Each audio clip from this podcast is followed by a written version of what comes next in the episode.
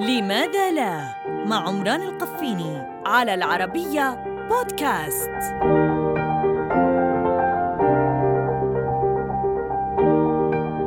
لماذا لا تنمو أضراس العقل إلا بعد البلوغ؟ لماذا لا تنمو أضراس العقل إلا بعد البلوغ؟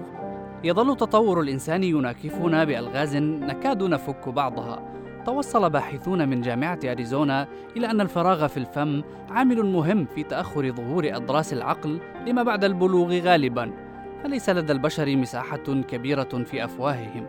فالفكان ينموان ببطء شديد وبالقياس إلى وجوهنا القصيرة نسبيا.